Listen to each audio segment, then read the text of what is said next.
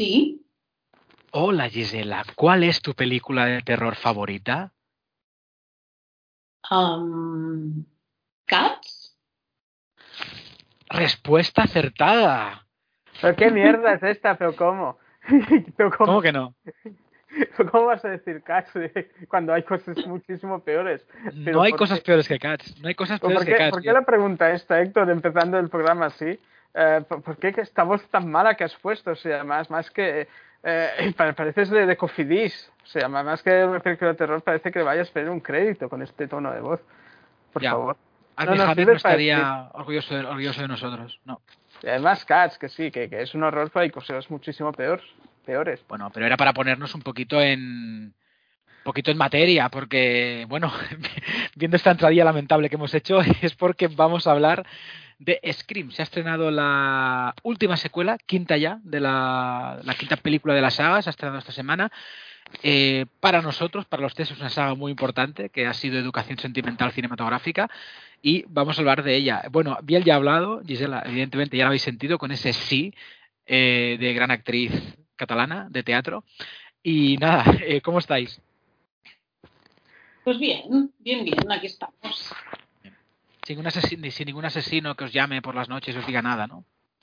No, pero mira, justo ahora que has mencionado lo, lo de Cofidis, a mí de Cofidis no me llaman, pero de Vodafone igual. Ah, sí, a mí también.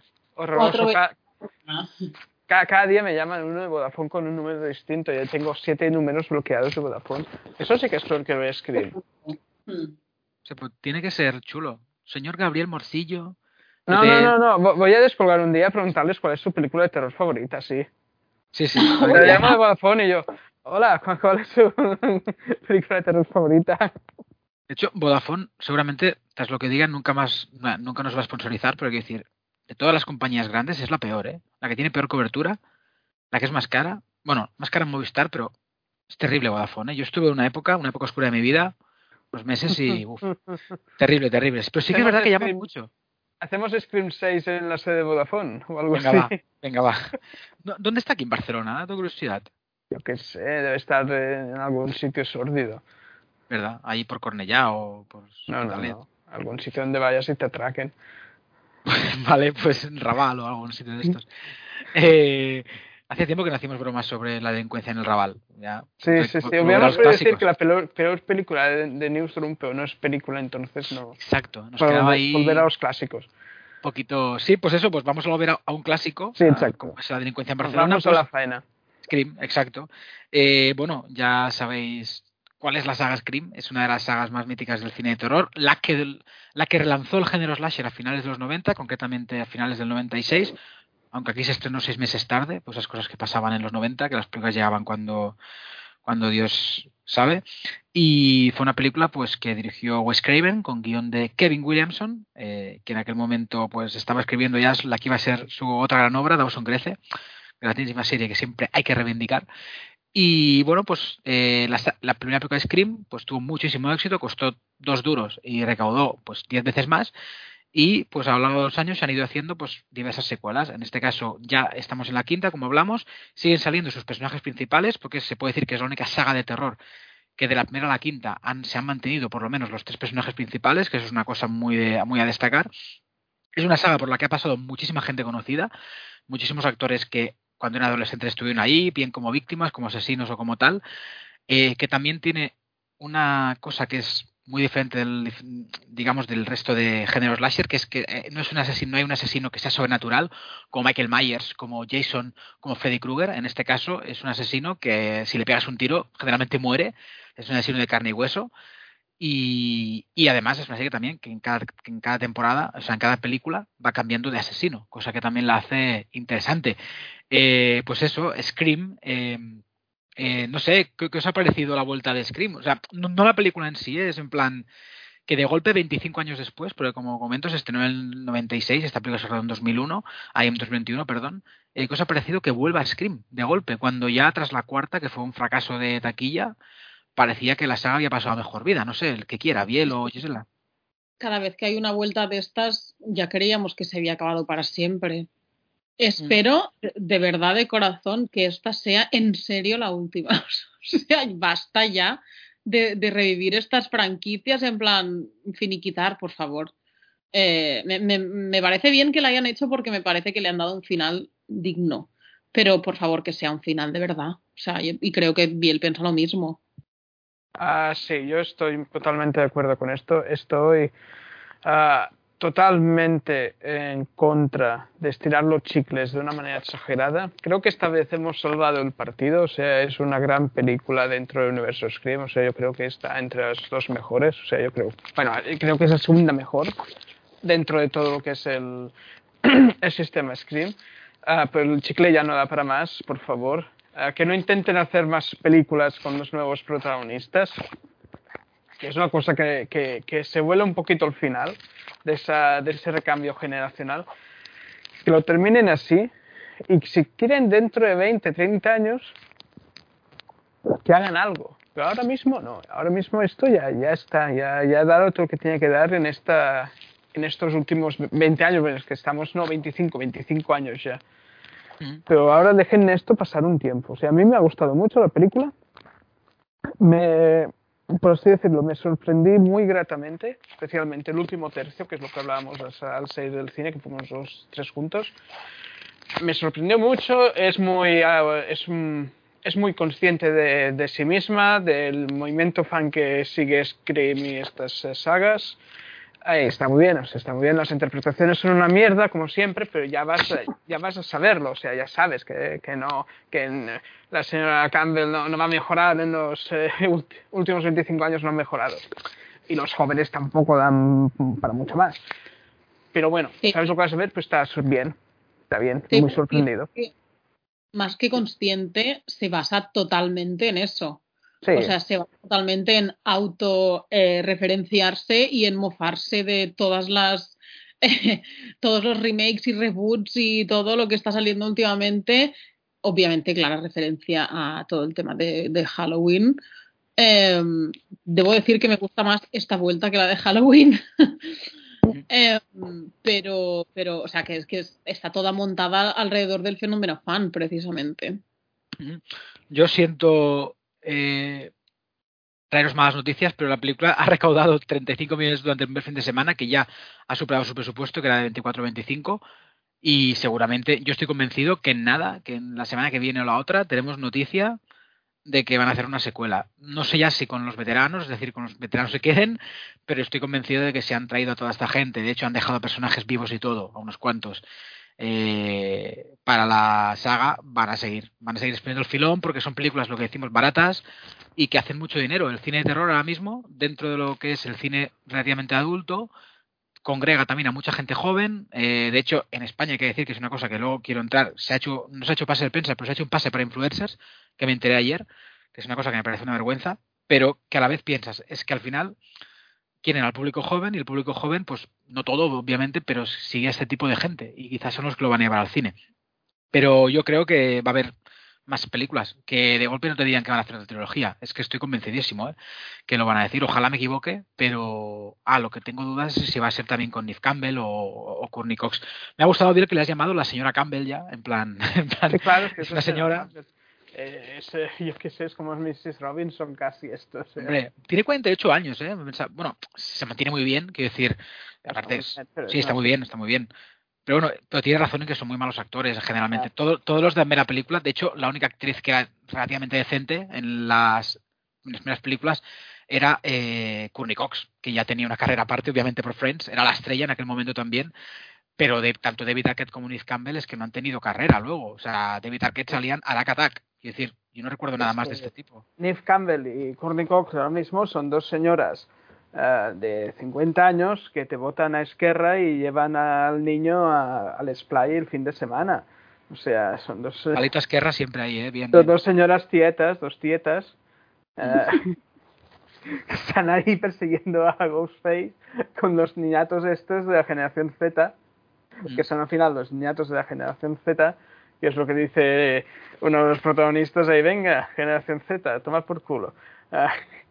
No, pero hay que decir, Biel, que, que, que, esta, que esta película además, o sea, obviamente ya Wes Craven no puede, no puede dirigirla porque murió hace unos años, de hecho le está dedicada a él, al final de la misma hay un For West, Pero yo os quería preguntar, sobre todo, si quieres empezar tú, Gisela, que tú solamente la viste con la viste más joven que nosotros, eh, ¿cómo vosotros, eh, bueno, Biel y yo ahora lo comentamos, porque seguramente fue en el instituto también y tal, pero de hecho fue en el primer año del instituto que llegó Scream. Pero tú, Gisela, ¿cómo conoces Scream? O sea, ¿cuándo te llega? Porque sí que tú, digamos, por generación, ya cuando empiezas a tener un poco de conciencia de lo que son las pelis, Scream, Scream ya era una película conocida. Quiero decir que no era como nosotros que las encontramos de golpe. ¿Cómo, ¿Cómo llegas tú a Scream? ¿También cuando te empiezas a aficionar por el cine de terror o es de estas que te ponía tu madre en casa? No, no, mi madre no le gusta el terror. Ah. De hecho, nadie en mi familia le gusta, solo a mí. Eh, tu bella es negra, que- ¿no? Exacto. Sí. Yo es que, bueno, esto ya es un poco explicación de mi vida así muy gratuitamente, ¿no? Pero hace, cuando yo era más joven, mi padre salía con una mujer eh, y a su, a su hija, la hija de esta mujer, yo no, no le caía muy bien.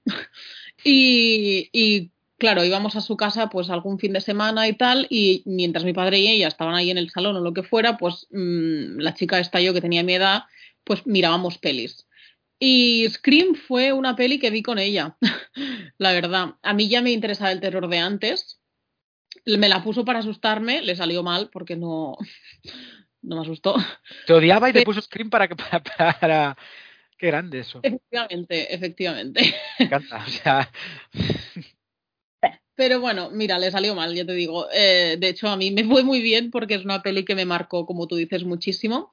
Lo que sí que quería comentar, que si queréis lo hablamos luego, es una cosa que durante el Festival de Sitges, que, que por cierto pusieron el, el teaser eh, en primicia y tal, no sé si os acordáis. Mm. Bueno, em, yo fui a ver a un, un, un directo de un podcast, es que está, está mal referenciar a otros podcasts no, no, no, al contrario. género, no. Pero bueno, em, que hay un podcast de género aquí en España que es como el más top, que se llama Nocturna, no sé si lo conocéis. María Nocturna, sí. Mar- es, perdón, María Nocturna, es verdad. Pues fui a verlo y hablaban precisamente de que la, de una cosa muy curiosa que me ha pasado a mí siempre y es que a mí se me mezclan porque Scream salió y relativamente poco tiempo después empezaron a hacer eh, Scary Movie. Y la verdad es que a partir de la primera, que la tengo como súper clara, se me mezclan un montón con, con la parodia. Y es un fenómeno que yo pensaba que era yo que era tonta y ya está. Y se le ha mezclado, o sea, le pasa a mucha gente. ¿A vosotros os pasa? Sí, porque salieron muy pronto. Es que es lo que dices aparte, la primera de Scream Movie, al final, la, la base de la película es Scream. Quiero decir, Sí, o sea, sí, sí. ti- Total, tiene más, hay más cachondeo, hasta Matrix, quiero decir, pero quiero decir, hay más bromas sobre otras películas, pero la base es Scream. Al final tú ves el momento en el que hasta hay un momento en que sale Dawson subiendo la escalera en vez de Billy Loomis. Que es un momento muy que recuerdo, creo que es el actor que hace Jess Van Der Beek, el actor que hacía de Dawson, que es el que aparece mientras ellos dos están recreando la escena de Neve Campbell y Skip Ulrich en la primera Scream. Pero sí que pasa, sí que pasa, estoy de acuerdo. Eh, eh, me interesa mucho esa historia, ¿eh? eso de que te odiaba y te puso Scream para... Al principio cuando lo decías me odiaba, digo, ahora nos va a confesar dónde ocultó el cadáver, pero no. No. Eh, no. Tú, Biel, como ya, tú, Biel, imagino como yo, ¿no? En el instituto la gente Sí, ya teníamos sí, sí, 12 fue- años o 13 y la gente flipando con Scream. Fue al instituto, fuimos a verla, o sea, todavía recuerdo, ahí fuimos en, al Barnasud de Gabá, que iba a instituto en Gabá. Esto sí es Eso- sordio también, ¿eh? Sí, sí, sí, bastante sórdido. Ahí sabíamos que no iba a pasar nada de Scream porque eso no tenía eh, suficiente glamour para tener un asesino en serie yendo de casa en casa porque todos vivíamos en pisitos ridículos. O sea, entonces pierde un poco la magia. Pero sí, fue, fue mi adolescencia, es unas películas de terror que marcaron de los estrenos de terror, porque después había los clásicos que ibas descubriendo con el tiempo, que sí, Viernes 13, Halloween, Elm Street, pues estrenos, fue el que más marcó el- mi adolescencia. Porque es Ya- que en- Ya en la postadolescencia ya vino más el terror japonés, que entonces ya empezaba a llegar, y así, pero lo que es la adolescencia pura es Scream y es este tipo de slasher, que también es lo que decíamos ah, antes de empezar también, es lo que hicisteis el último verano ah, y todo este tipo de, de slashers, eh, cuchilladas. Sí, sí. Sí. De hecho, seguramente en, en algún país latinoamericano se llamará Cuchilladas la película, espero. Sí, Tiene mucha pinta. Em, no, es lo que dices tú, es que a mí me pasó igual. Es que de hecho esa película se estrena cuando estamos en primero de la ESO, tú y yo. Imagínate. Mm. Eh, tenemos la misma edad, o sea, nos pilla en plan. Aquí se estrenó casi en abril, casi en verano. y en Estados Unidos ya llevaba seis meses. Y yo recuerdo que siempre me compraba la, la revista de imágenes de actualidad. Eh, y claro, y ahí siempre llevaban meses ya dando la matraca con Scream, que era muy buena, que tú no la habías estrenado, y aquí es que no se estrenaba nunca, ¿sabes? Y recuerdo que al final convencí a mí, cuando se estrenó, pues convencí a mi tío para que me llevase, que me, llevase a verla. Y fui, fui, creo que fue un verano y flipé. O sea, me, me flipó, luego hablaba con los amigos, porque era lo único que la había visto y la verdad es que flipé. Y cuando salió en, en, en, VHS para alquilar, recuerdo que la alquilábamos, la vimos un montón de veces en un local que teníamos, que decir, fue una película que nos marcó durante, durante aquel año. Y justamente el año siguiente hacen la segunda y ya fue como, como el boom, porque en aquel momento, claro, la segunda es que hasta nos parecía la, la releche, porque éramos críos y no entendíamos un poquito lo que era el concepto cinematográfico, la repetición, tal. Pero sí es lo que has dicho tú, es una película que eh, lo que hizo fue volver, devolver el slasher eh, a, la moda y se estrenaron, sé lo que hiciste su último verano, Leyenda Urbana, es que un montón de películas que luego también tuvieron su secuela. O sea, que decir, durante mucha época en el colegio mucha gente eh, era hablaba, tú que eres de Neve Campbell o de Jennifer Love Hewitt. Quiero decir, es que era esto, que de hecho habían coincidido en una serie que se llamaba Cinco en Familia, que en catalán, en Cataluña es un poco conocida porque te metes la mi tío que se llama Todd Sink, en la que Neve Campbell era una de las hermanas oh, mayores, era hermana y el, el hermano mayor era Matthew Fox, imagínate. No eh, recordaba esto, no recordaba. Sí, sí, sí. Yo de pequeño la veía por las tardes. Eh, yo también, también, qué grande. ¿Qué me estás sí, Yo no sé, no sé, qué es esto, ¿eh? Porque tú eras, es que te hablo de principios de los 2000. La daban por las tardes en TV3, Totsing. Sí, sí, sí, sí, ah, con Nick Campbell, eh, ¿cómo se llama? Jennifer Love Hewitt, eh, Matthew Fox, no recuerdo a quién salía más, pero Scott Fox, Scott, Scott, Scott Wolf salía también, que tuvo un pequeño, ahí un repunte de éxito durante un tiempo, que luego salía el remake. Pero fue una serie que, joder, a mí me, a mí me gustaba. Era el típico culebrón familiar con unos niños que se quedan que se quedan huérfanos y el hermano mayor, que es eh, Matthew Fox, que tiene que cuidarlos. A mí me gustaba mucho. Era, era, era un drama total, ¿eh? Sí, sí, sí, sí, claro. Mira, es del 94, estoy mirando aquí. Seis años, sí. Sí, sí, de, la misma época que Friends, quiero deciros, al final y la serie, y la, ya te digo, era una serie, aparte tenía tramas adolescentes, era guay. Mira, aquí sale más, Lacey Chaver, Scott Grimes.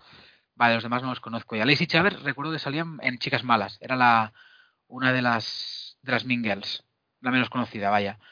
Eh, pero sí, sí, gran serie. Pero bueno, volvamos a Scream y a la Slasher, pues eso, que fue una serie, una película que relanzó el género Slasher. Y eso, pues hizo mucho. De hecho, es que hasta recuerdo que ya empezaron a hacer remakes de San Valentín Sagriento, Cherry Falls, o sea, durante esa época, cada tres meses teníamos una película en el cine que era de terror. Y al final, pues eso, lo que he dicho antes, son muy baratas. Y, al final, con que el primer fin de semana generalmente te recaudan lo que has, lo que has, lo que te has gastado. Y, es lo bueno que tiene. Además, también recuperaba a Wes Craven, que llevaba un tiempo em, que no había hecho nada relevante. Y recordemos que Wes Craven es el autor, de, autor digamos, de otro de los grandes mitos del cine de terror, eh, como Freddy Krueger. Él es el director de Pesadilla en el Street.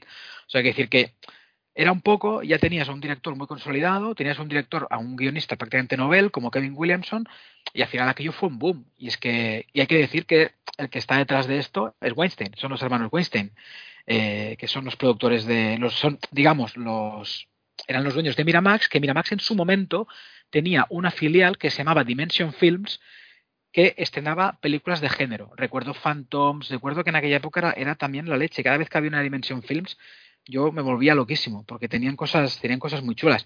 Es un poquito, salvando las distancias, es lo que es Blumhouse ahora, que Blumhouse también tiene un sello universal, independiente, que lo que hace es estrenar el cine así de, terror, con poco presupuesto, pero siempre con muy buen con muy buen montaje. Luego también recuerdo Destino Final, que es un slasher, quieras o no quieras, aunque sea también la muerte la que te persigue. Pero todo esto es gracias a Scream. Es que Scream fue la pionera. El cine de terror estaba apagadísimo y Scream lo resucitó. Y por eso, y para no enrollarme más, eh, ¿habéis visto las últimas estos días o, ya las tenéis tan, las tenéis tan, tan frescas que, o sea, las tenéis frescas en la cabeza? O sea, las, digamos las antiguas. A mí no me ha dado tiempo suficiente, pero, pero tengo más o menos una idea mental relativamente clara.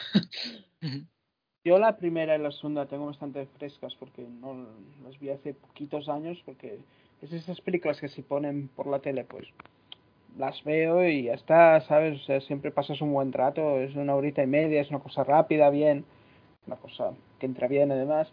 pero tengo que decir que la 3 y la 4, desde que salieron un poquito.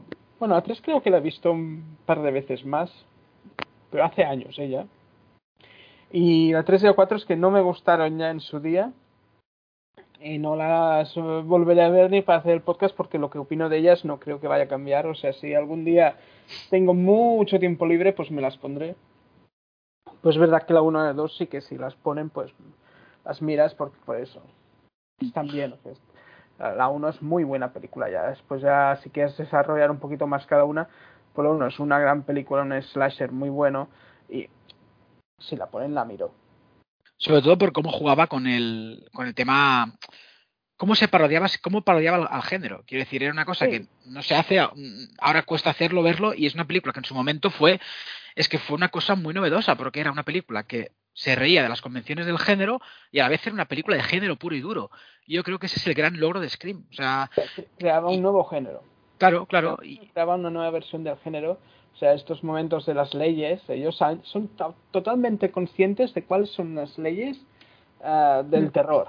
Y aún así las incumplen, o sea, las incumplen, o sea, van solos a buscar cosas, se quedan, se separan, tienen sexo. ¿Por qué vas a tener sexo? Si tienes sexo te mueres. O sea, no lo hagas. Que es, es esa escena que también está en la quinta, de ser en el sofá diciendo, pues mira, pasa esto, lo otro, lo otro y tal. Y pasa el, el, Ghostface por detrás, se lo mira así y de bueno, que lo voy a matar, que me queda. Y se va, ¿sabes? Es eso, es juegan un poquito al... Eh, que esto pasa mucho en la quinta, con, con los roles eh, que están dentro de este género de terror. Eso también es muy bueno. aparte de eso, yo pienso también que em, una cosa que se asentó, es asentó, no, eh, que hizo escuela con Scream, que ya quizás había empezado un poco con Halloween y tal, pero igual no tan, tan, tan así.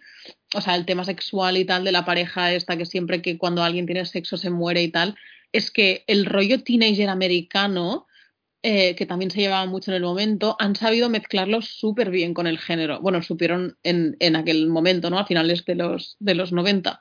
Em, y yo creo que esto también es un gran logro porque esto ha, escrito mm, cómo serán las siguientes, los siguientes slashers. Sí, sí, totalmente. Que, y que sobre todo eso, que es que al final fue una película que, que reventó un género y cada secuela lo que hizo fue burlarse mucho más de este género. Y en cada una, yo creo que hay una que no me gusta, que es la tercera, que, es la peor, la peor, de todas, que es una película que no la puede salvar por sí misma. La segunda es flojita, porque al final es repetir un poco lo mismo de la, de la primera, pero sí que, por ejemplo, tiene escenas. A mí, la apertura de la segunda, el opening, me flipa. O sea, el momento en el cine con la pareja, la pareja de, afroamericanos que digamos que mueren ahí mientras ven Stab, es que aparte es eso, es que es una película que ya está parodiando en la segunda los hechos que pasaron en la primera, es decir, eh, los hechos se llevan al cine, aparte a través de la periodista Gail Weathers, la película Puñalada, Stab, y empieza la película que eh, una pareja está viendo esa película quejándose, bueno, el negro siempre muere el primero, tal, que de hecho la protagonista de Stab que hace de Drew Barrymore es Heather Graham, que dices, es que es alucinante la cantidad, luego hablaremos también de eso, de estrellas que han salido en estas películas, y ya a partir de ahí, de gente viendo en el cine una película de terror basada en la, en la película original, empieza ahí todo, el asesinato. Es que me parece súper original y súper divertido. Y aquí cambian el instituto por la universidad. Y yo creo que la segunda sigue funcionando muy bien, porque tienen también, mantienen otra vez a los actores de la misma, también tienen a Randy, que es el mítico momento que salía en el trailer, recuerdo, en el que le decían cuál es tu película de terror favorita y él contestaba que Showgirls, que aparte es la escena justo antes de morir. Y es una película que sigue funcionando muy bien. Luego ya la tercera, pues lo que decimos, ya era estirar el chicle y ahí sí que se les fue de las manos completamente. Hasta el juego meta se les fue de las manos ahí al llevársela a Hollywood.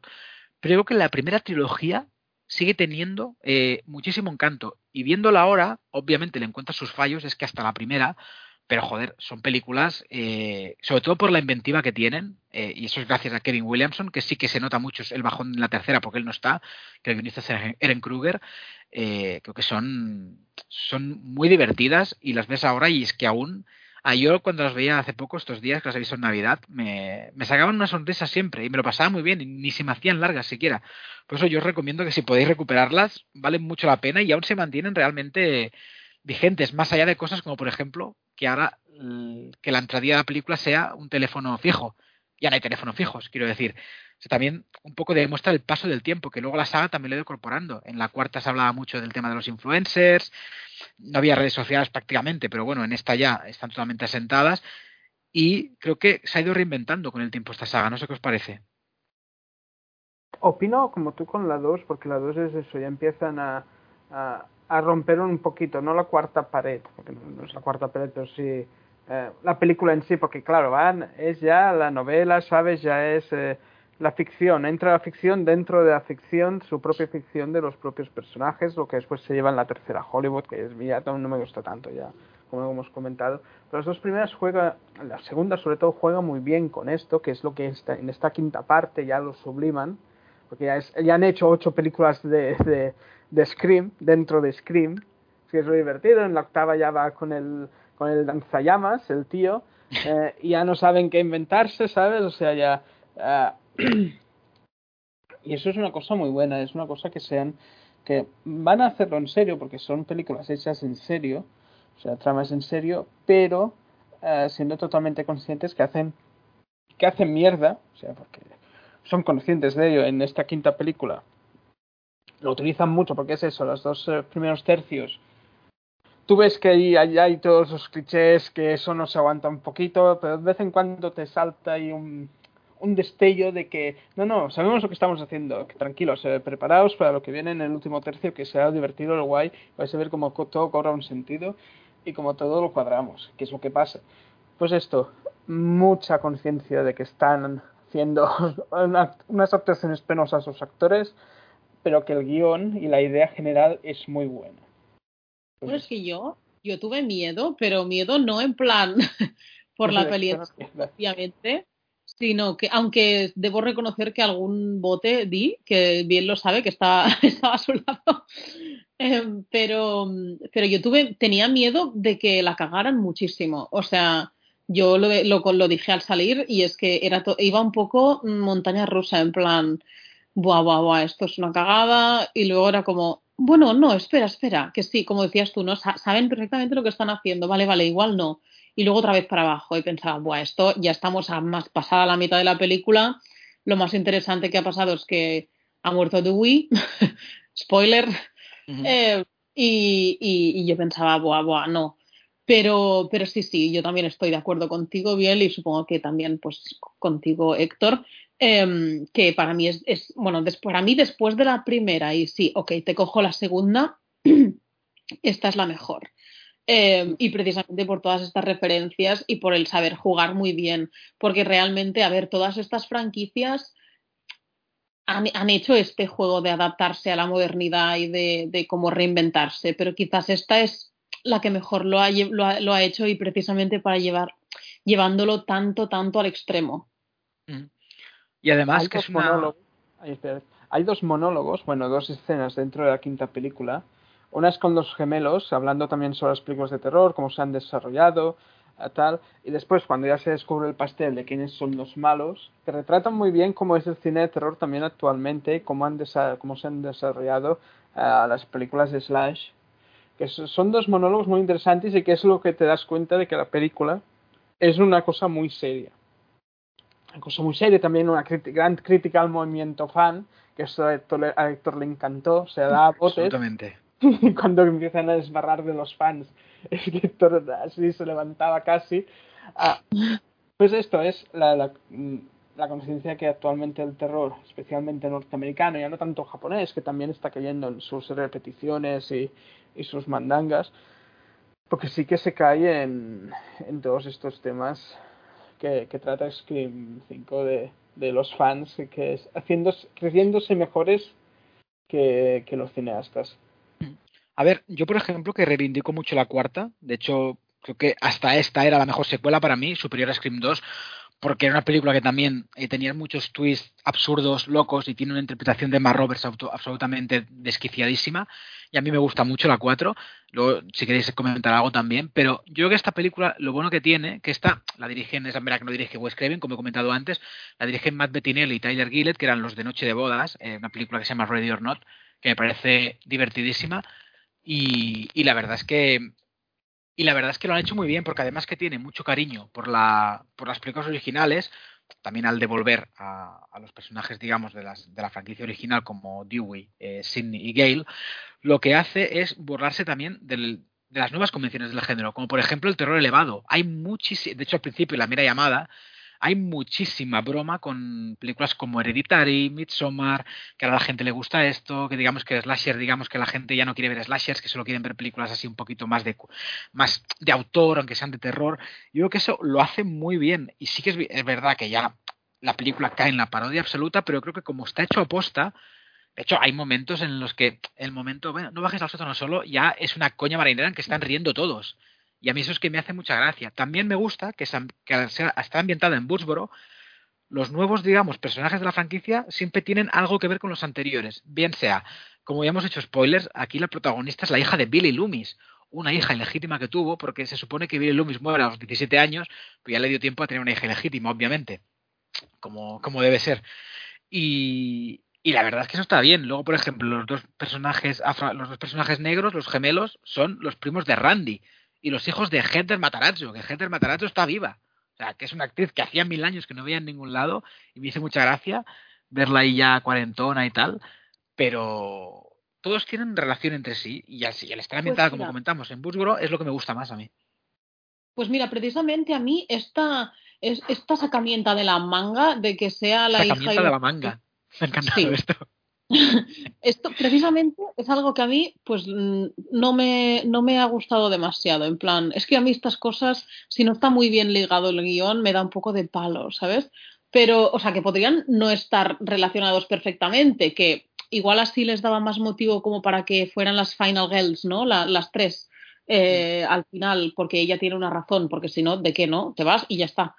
Em, pero yo qué sé, todo esto, todo lo, de que se le aparezca a su padre, así un poco, no sé, igual esto es lo que menos me ha, lo que menos me ha gustado de la peli. Bueno, era como recuperar a, a Billy Loomis, también un poco hacerla más accesible para los, digamos, para los, los antiguos fans, que eso también te lo explica la película. Eh, hay un momento en que dentro de su delirio máximo ya te está diciendo que bueno, que ellos mat, que al final los asesinos son dos fans, ¿vale? Que es el novio de la chica, durante, que durante toda la película te están intentando hacer que no, que no, pero al final lo es. Y luego también el personaje de Amber, que es un personaje delirante, que prácticamente la actriz, que es Mickey Madison, repite el papel que hizo en Eras una vez en Hollywood, es que hasta tiene una muerte parecida, de hecho, que me parece una cosa loquísima.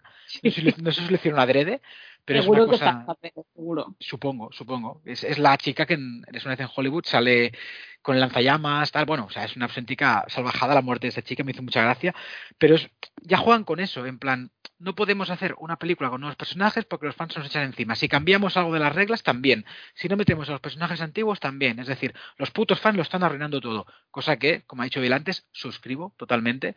Creo que los fans son lo peor que ha pasado a lo que es el cine y tal. Pero bueno, no, no, tal cual. O sea, tú puedes ser fan, pero ser una película normal y mira, si hacer una cosa que no te gusta, te jodes. Esta es así de fácil. Pero creo que esta película juega mucho con ello. Y yo creo que está muy bien. Además, creo que el guion de, Gary Bush y de James Vanderbilt creo que es muy coherente con lo que quiere explicar la película. Por eso me da miedo, que creo que las van a hacer, vuelvo a decirlo, ¿eh? pero me da miedo que hagan más secuelas, porque esta realmente ha quedado redonda para mí. O sea, evidentemente no es la mejor película del mundo, pero creo que es una secuela muy digna, que tiene cosas muy interesantes y además es una buena reinvención. Y otra cosa que tiene esta saga es que las últimas dos secuelas han tenido, bueno, de la tercera a la cuarta hubieron 10 años y de la cuarta a la quinta también 10 años. Quiero decir, si las van espaciando, si al final tienes que hacerlas, pues si las van espaciando, tienes algo nuevo que explicar. Ah, pero dentro de un año o dentro de dos, quizás seguramente no tengas nada que explicar, porque ya lo hemos visto en esta, que es lo que ha pasado en Halloween, que han querido hacer tres de golpe y la segunda, bueno, ya lo hablamos en el especial que hicimos, es un, es un desastre. Pero yo sí que tengo medianamente, medianamente fe en que, o sea, tengo medianamente fe en que la van a hacer, seguro, vamos, pero si son listos y dejan descansarla un tiempo para dentro de 10 años, porque el mundo habrá cambiado otra vez mucho, evidentemente, de cómo ha cambiado en esos últimos 10, podrán hacer algo interesante. Yo también, como no, no queremos hacerlo muy largo el podcast, os quería preguntar qué os parece, porque yo lo he criticado siempre mucho porque me parece muy mala actriz, ¿qué os parece Neve Campbell, o sea, Sidney Prescott, iba a decir Sidney Bristow como un alias, Sidney Prescott como Final Girl? Yo creo que está a años luz de, de por ejemplo, Lori Strode, de Pesadilla en Street o de otros personajes. No me acaba de convencer, quizá por la actriz, ¿eh? pero la veo muy sosa, sin mucho carisma, por mucho que aquí la gente aplaudiese cuando salía, porque al final es Sidney. Y sí, hay un momento que dices, eh, claro que tengo un arma, soy Sidney Prescott. Pero, bueno, soy Sidney fucking Prescott, dice. Pero sí que creo que le falta, quizás por actriz, ¿eh? le falta un poco de carisma, no sé qué os parece. A ver, yo creo que tenía Ah, vale. que ser así. Creo que tenía que ser así. o sea, tenían que aparecer eh, los, los más originales. Si no aparecía ella, era como que. No sé. O sea, incluso ya hay un momento en que hablan de, de, de Halloween, de, de que es una película de Halloween sin eh, Laurie Strode, ¿no? Pero, y yo pienso que han hecho lo mismo. Tenía que aparecer y ya está. Que sus pa- papeles son un poco así irrelevantes. Pues también. Pero, No, es pero yo que- te pregunto, yo te pregunto qué te parece ella como, como, como para el protagonista de la saga, que es que es flojita que no- personaje Sidney. es flojito, muy, muy, muy lejos de Laurie Strode. O sea, es que em, nada que ver.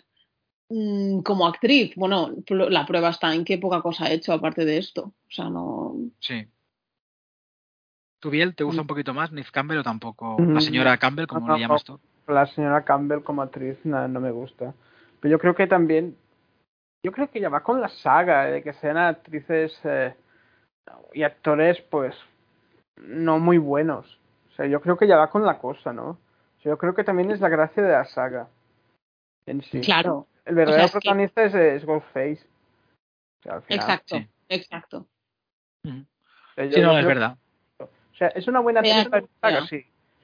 Pero es una mierda de actriz, o sea, se- seamos sinceros y, y no nos escondamos la verdad.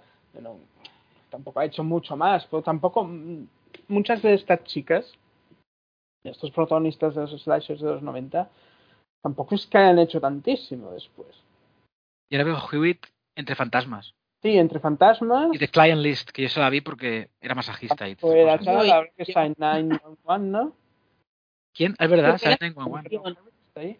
Era incluso televisión, que sabes, que queda como relegada. Ahora quizás ya no, porque es la era de las series, pero en, en aquel entonces quedaba rele, releva, relegado. Relegada, relegadísima, sí. quedaba relegado a televisión, que era como lo que hacías cuando no podías hacer nada en el cine, ¿no? Sí. Scandal ni esto.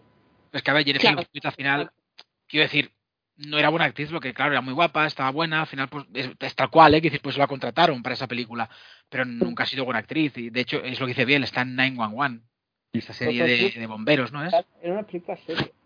Iban, eh, se lo tomaban muy en serio, o sea, no hacían parodia. O sea, no, no, ellos hacían un producto de terror puro y ya está. Y yo creo que por eso envejeció peor que Scream, porque Scream siempre tiene esta parte más irónica, más ahí más eh, entretenida, que después ha dado todo, a pie todo el movimiento ah, de, de Scary Movie, todas estas cosas, pero que viven de esto al final. ¿Alguno de los dos vio la serie que hicieron de Scream? La de MTV. Sí, No. sí, sí. ¿Qué tal? Sí, la vi, sí. A ver, estaba bien, lo que pasa que, no sé. Sin más. es que Ma- Vale, vale, vale. la, la vi porque, pues por lo que significa y ya está, pero, pero bastante predecible.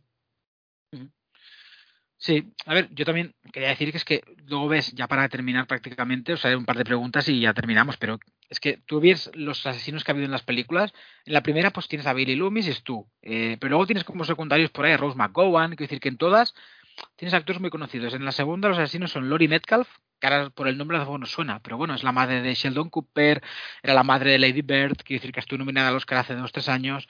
Eh, estaba por ahí, hay una escena en la que están hablando de cine, de secuelas, que es el personaje de Randy, que están por ahí Joshua Jackson, que seguramente como era amiguito de Kevin Williams lo metió en el- aquel momento, y Sarah Michelle Gellar, que eso era antes de Buffy Cazavampiros y de antes de, de Sé lo que hiciste el último verano, que ella también es una de las protas.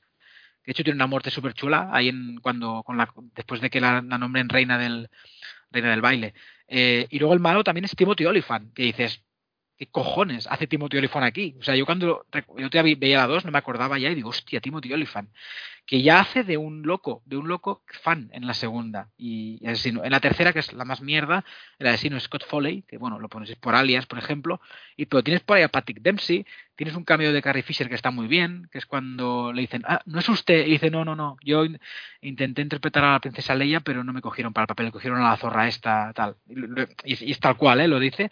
Y en la cuarta es lo que digo, la cuarta es que a mí me encanta, me parece divertidísima, y tienes a Emma Roberts como una villana loquísima, que es la sobrina de Sidney, Ya sé que a Gisela no le gusta, pero a mí sí que me gusta esto. Tienes a Hayden Panettiere, que yo voy a ver todo lo que haga Hayden, Hayden Panettiere en su vida.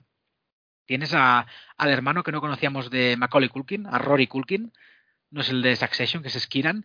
Y tienes también a Marley Shelton, es que Anthony Anderson, Adam Brody también está por allí. Es que había un montón de gente en la cuarta parte. En, de la 1 a la 3 tienes a Leif Schreiber. Leif Schreiber lo primero que hace es Scream. Tienes Cotton Wery, que es el, en teoría, el presunto asesino de la madre de Sidney. O sea, es que es todo muy. muy Tienes millones de actores por ver en las películas que la verdad es que a mí me, divierte mucho. Como juegan también con David Swimmer, va a ser el que interpreta a Dewey en, en, en Stab, todo. Es que a mí me parece una saga que me gustaría, bueno, es muy conocida y seguramente la, gente joven a lo mejor va a volver a, va a empezar a verla por gracias a esta película.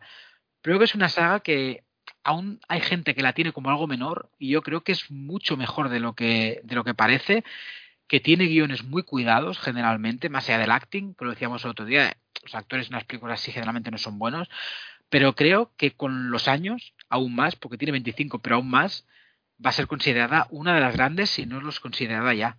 No sé vosotros qué os parece, pero yo estoy convencido. Yo pienso igual que tú y creo que también está bastante infravalorada. Eh, porque en realidad si te fijas, claro, yo ahora hablo quizás pues igual también mm, la primera, que es la que tengo igual más fresca también, eh, porque también es la que he visto como mil, mil, mil millones de veces, pero mm, que al margen del guion también está muy pensada la puesta en escena y todo, ¿eh? porque sí. os fijáis, cada vez que alguien muere, nos han enseñado ya dónde va a morir. O nos dan truquitos de estos que son muy típicos del cine, pues un poco, que ahora no me voy a comparar Hitchcock con Scream, ¿no? Pero, pero que, que, está bien, que está bien pensado, o sea, que tiene un, un meaning detrás de todo, que aunque sea una parodia y se, al final acabe autoparodiándose a ella misma, yo, cre yo creo que está muy bien pensada. La sí, saga en general, al margen de que nos guste más o menos la tercera, la cuarta pero, pero sí, sí, y, y, y, creo que la quinta lo ha hecho muy bien esto también. Que la última Porque termine en la casa de Stu mismo. Sí, a mí esto sí. me, me, me, encantó. No, no, pues está muy bien pensada, esto es totalmente cierto. O sea, el trabajo que hay detrás, eh, el trabajo de dirección, el trabajo de, de guionización, de, de todo, de, de crear el universo Scream, sí que es un trabajo muy bueno. O sea, yo lo que he dicho antes, las interpretaciones son una mierda porque ya van, va en esto, o sea, representan estudiantes, eh, son los estudiantes de un pueblo perdido el interior de los Estados Unidos, que es un pueblo de mierda.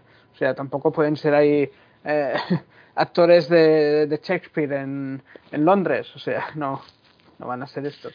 Pero sí que está muy bien pensado, o sea, es un gran producto. Ya han intentado con esta última película reenganchar lo que es la generación Z, porque la generación millennial ya crecimos con ellos hace veintipico años. Y es esto, es volver a, a encontrar nuevas generaciones que se enganchen a Scream y también tengan una, un poquito de Scream en sus corazones. A ver, yo te no, digo me ha gustado que eso, ¿eh? Un poquito de Scream en sus las corazones. no- que, que melancólico todo. Las nuevas generaciones que se enganchan a Scream, yo no sé hasta qué punto la gente joven se engancha por las nuevas, ¿eh? para nada.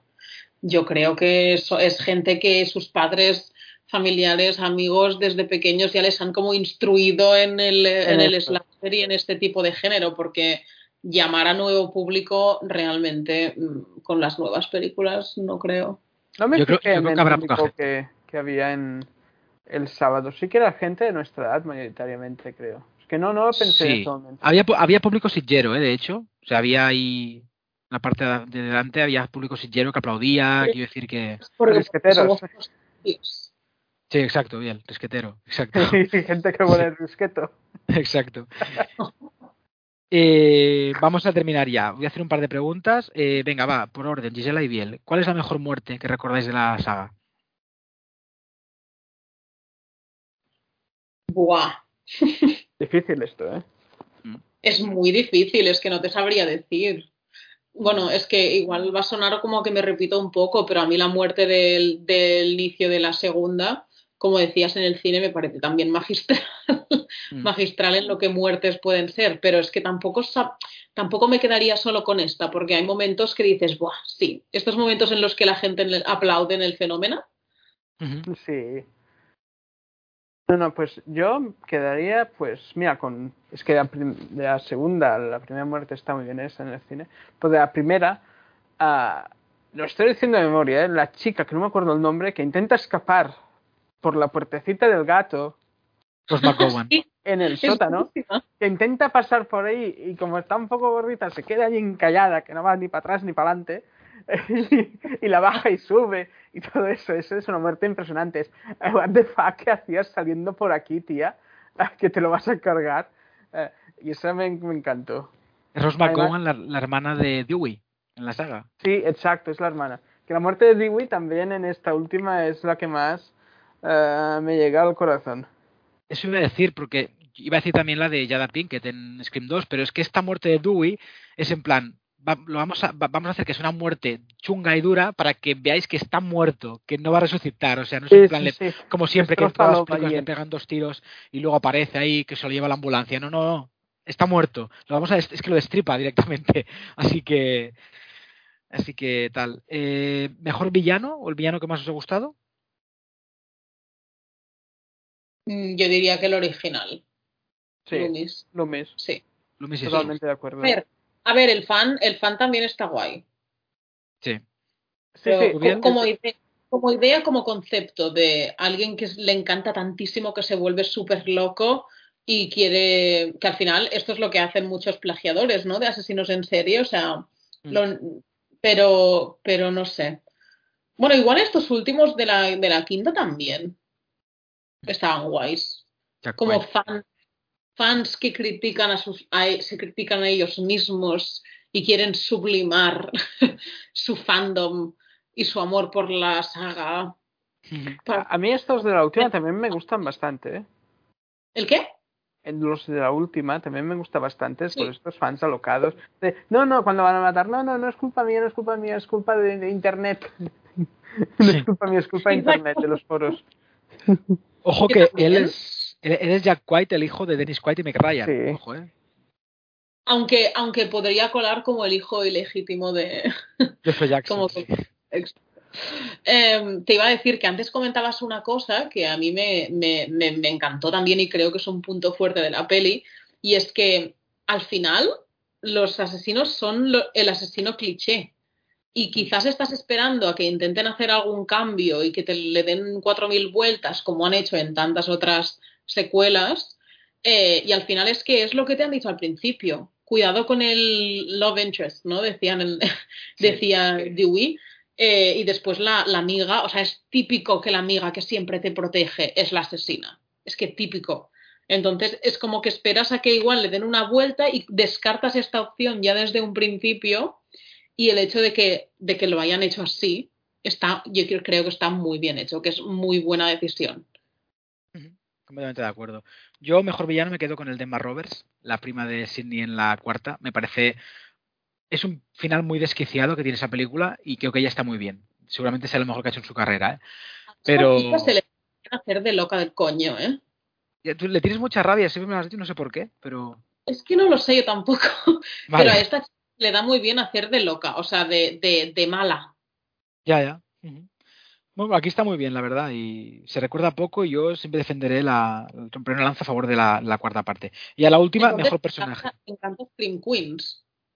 Es que vi dos capítulos, pero no era para mí, no, no me daba pereza, no, o sea, me cargaba un poco. Ya le tengo un poco de manía a Ryan Murphy y todo lo que hace así en plan. Desde Glee y ya no, vi dos capítulos, es decir, no, no vi más, ¿eh? a lo mejor sí, mucha gente me ha dicho que me encantaría, ¿eh? pero no sé, y como tampoco está en ningún sitio y me da pereza descargarla, pues ya no sé, pasó mejor vida en su momento. Y ya luego vi que me dijeron que la segunda era un coñazo y tal. Sale Jim Lee Curtis, de hecho, ¿no? Sé que... Sí, sí, sí, efectivamente. Pues ya está, mejor personaje. ¿Cuál sería el que os gusta más? Así rapidito. Mm, Courtney Cox. Venga. Gail Weathers. ¿Biel? Sí, Weathers. Uh, yo Dewey. Dewey. Vale. Yo, eh, de evitar que yo, Randy. Eh, al final es un poco el que marca las, las normas del, género. Es el personaje de Jamie Kennedy, otro actor que tampoco ha hecho nada, que lo hemos visto en alguna serie, pero poco más. Y ya está, y ya para terminar, ¿me ordenáis del 5 al 1 las, las películas? Vale. De, de, peor a mejor, sí. Ah, de peor a mejor. Eh, 4, 3, 5, 2, 1. ¿La peor la 4? Sí. Hayden Sí, sí, yo Panettiere, también. Emma Roberts. No, no, es que, es que no me gusta ella, entonces ya de entrada no. Ya es manía, No, no ¿eh? Creo que ahí le pusieron demasiada celebrity teenager mm, en, no, apelotonada. No sé. Pero Hayden Panettiere es lo mejor que le ha pasado a la humanidad, pero por favor. Eh, bueno, es ¿Qué igual. pasa Bien. con Jessica? A ver. No, no, bueno, ya me entiendes, a, a otra escala. Eh, ah, vale. Un pequeño, Hoy, cambio, hoy- hoy la he visto en una película mala, pero igual. Ya hablaremos de un ella. pequeño cambio que es 3, 4, 5, 2, 1. No, 2, 5, 1. ¿Vale? O sea, sigues ahí con. Reivindicando la segunda. Yo, mira, la tercera es la peor, luego la, la segunda, luego la cuarta, la quinta y la primera. Así que, nada, pues ya está. Eh, con este pequeño repaso a lo que es la saga Scream, os hemos destripado la quinta prácticamente como si fuera Dewey. Eh, me preocupa que va a ser la carrera de David Arquette, porque por lo menos cada 10 años le llamaban para salir en Scream, ahora ya no sé, como no sea, como no haga como Jennifer Carpenter en Dexter, que sea el pepito grillo de, de Gale o algo y salga ahí con Ahora fantasmas. salen fantasmas, o sea. Sí, es verdad, estaría bien eso. En plan, pero ya para que le den trabajo, ya no está casado con Cox, ya no factura tampoco ni por ella, o sea, quiero decir que el hombre tenga algo, porque es que, no sé, me da, me da un poco de pena. Eh, bueno, es familiar Arquette, es hermano de Patricia, así que seguramente nunca le faltará comida, un Sí. platito de sopa Qué en, en la mesa. genética, ¿eh? Sí, sí, sí, sí. Vaya, es un tío normal, David Arquette, de, de joven era relativamente normal, o sea, no era feo tampoco. Eh, así que bueno, familia de actores, Patricia, Rosana, Alexis, que murió. Eh, bueno, pues nada, eh, después de ese repaso a la familia Arquette, eh, déjame decir una cosa, Kevin Williamson, si podéis ver Dawson Crece ahora en Netflix, la tenéis ahí, y hay una película que quiero reivindicar de Kevin Williamson que dirigió él, secuestrando a la señorita Tingle, con Jessica, Jessica Biel era, no, con Katie Holmes.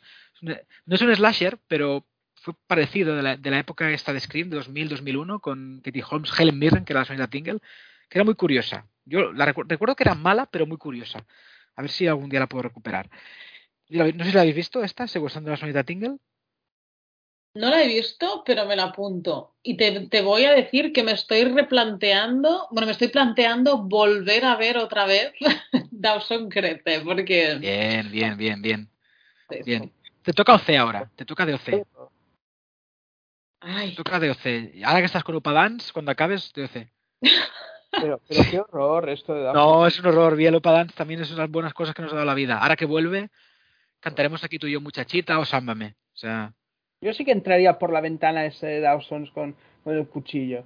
Ese tío que se subía por, por la ventana a su casa. ¿nunca has subido por la ventana a, a- a- a ninguno de tus ligas cuando eras joven? Coño, pues si vivíamos en, en pisos, que teníamos que subir por una ventana Qué miseria todo, ¿no? Que tengo que subir a un quinto por fuera. es que te imagino ahí trepando como trepando por la saltando de balcón a balcón, con una escalera de bomberos dentro. O sea, por favor. Bueno, con Pretty Woman al final. ¿Más esto- quieres? estas películas y estas series en el área metropolitana de Barcelona, esto no se pueden hacer. O sea, porque no, no ¿Verdad? llegan a la población, ¿no? Reivindicación de que pongan escaleras de incendios en los pisos de Barcelona, por favor. Mm, Falta Sí. romanticismo en esta ciudad. Un West Claro. Story. Pues nada, con esta reivindicación nos despedimos hasta dentro de unos días. El próximo programa. Ah, bueno, el próximo es el del. Sta- Haremos Station Eleven, ¿no, Biel? Entonces al final. Sí, sí, sí. Vale, me quedan tres capítulos aún y le- no sé cuál tiraremos antes, si este o el de, bueno, este, este porque ya se ha acabado la serie, habrá que tirarlo ya. Y el del videoclub que ya está grabado, el de el del formato físico, que este estará bien, una entrevista que hemos hecho. Y luego ya, pues no sé, qué nos deparará la vida. Tengo una idea, Biel, te, va- a gustar, ya te la comentaré, a ver qué te parece. Es un jueguito, ya eso diréis ella también, que siempre que hemos hecho juegos ha estado ella. Ya os, ya la comentaré cuando cerremos. Pues nada, eh, nos despedimos hasta dentro de unos días. Eh, ¿Con qué canción nos vamos, Gisela? Pues a ver, mira, lo he pensado mucho y creo que vamos a acabar con Youth of America de Bird Brain, que también es de Scream, de la primera. ¿Cómo? Youth in America. Of, of America. Ah, of America, ok. Juventud en América, entiendo, ¿no? Sí. Bueno, Juventud de América. Ah, vale, off, de verdad, sí, tienes, tienes razón.